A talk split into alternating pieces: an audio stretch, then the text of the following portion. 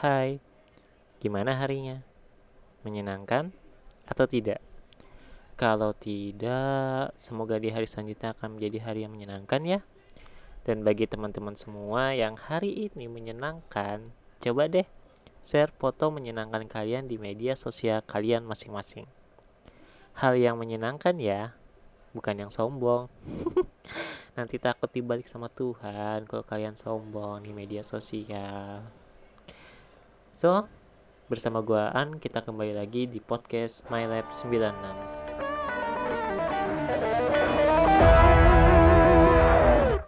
Oke, di episode podcast My Lab 96 pada malam hari ini di mana podcast ini adalah tempat untuk mengutarakan dan uh, menghilangkan kejenuhan di tengah-tengah pekerjaan yang mana notabene tuntutan pekerjaan yang banyak tapi gaji tidak seberapa.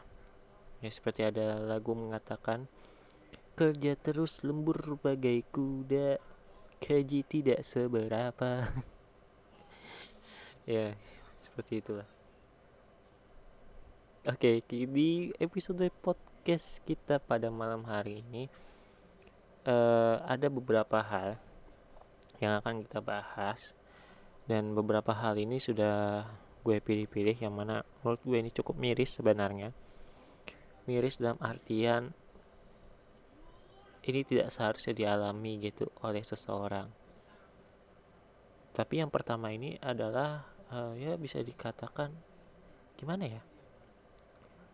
Uh, di sini langsung aja deh ya. Di sini di sebuah postingan.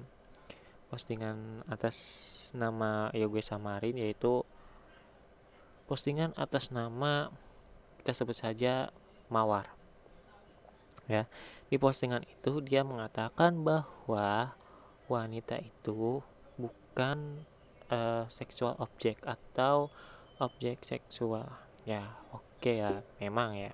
Karena wanita itu juga makhluk hidup gitu, manusia gitu. Cuma setelah itu dan gue lihat di slide selanjutnya ada orang yang komentar e, membandingkan itu dikatakan bahwa seseorang wanita selama masa kuliah dia bisa menghasilkan uang belasan juta rupiah dengan cara menjual foto dia di situs OnlyFans.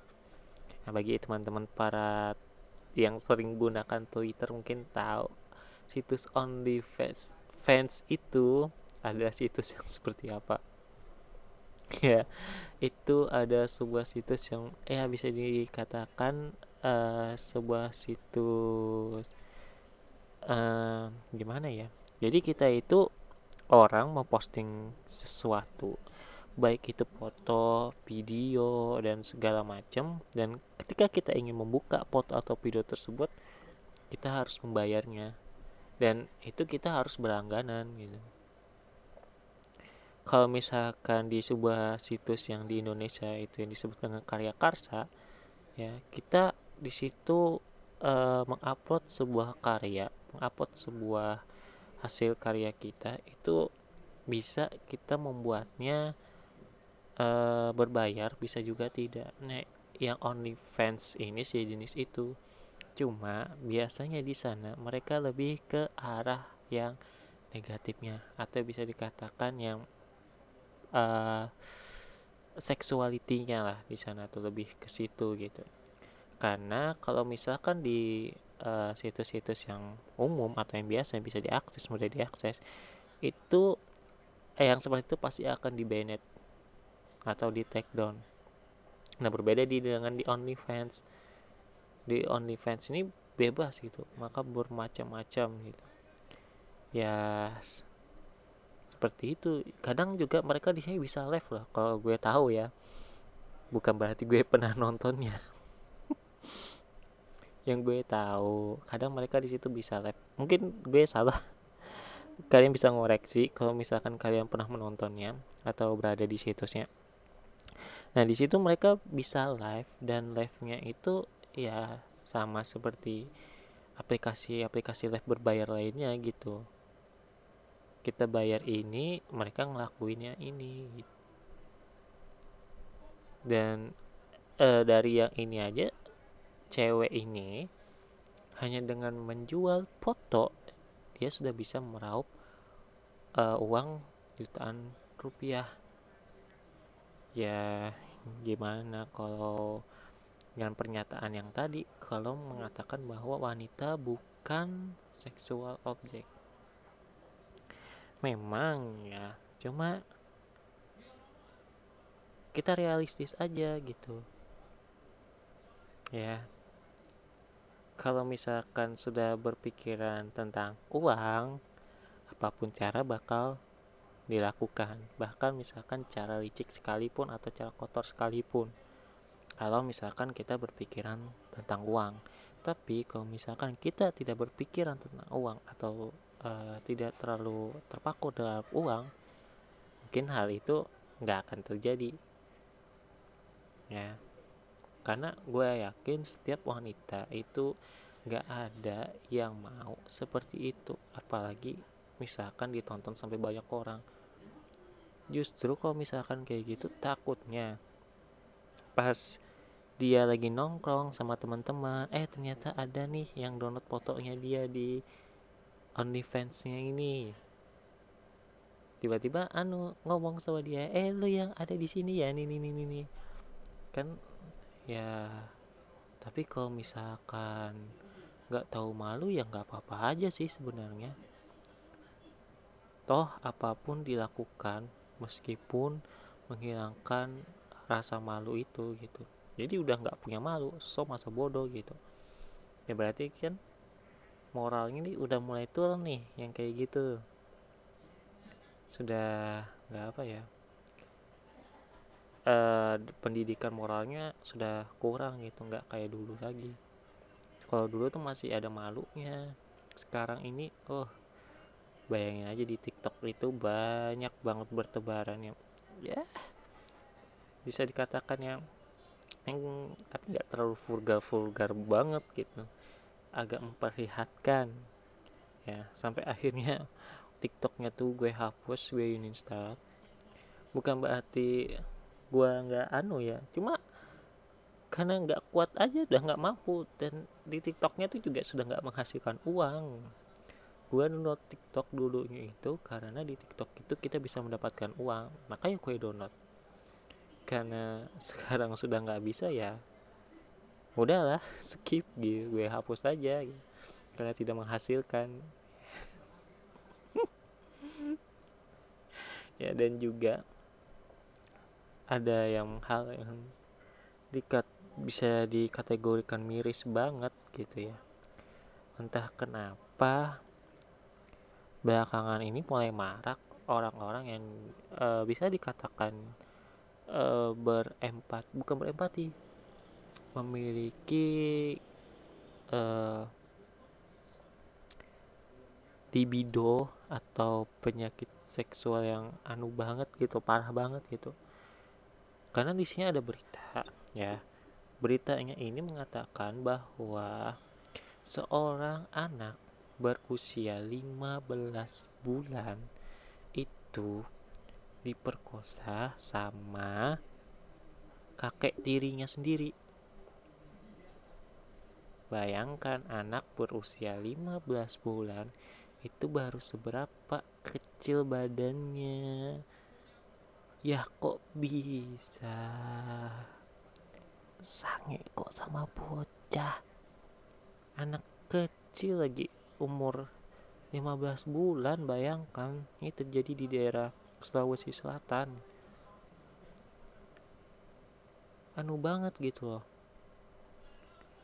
gak bisa apa kan sekarang nih kecanggihan teknologi itu sudah bisa ya namanya uh, eh, BO gitu. Janganlah sampai nganu ke anak kecil gitu.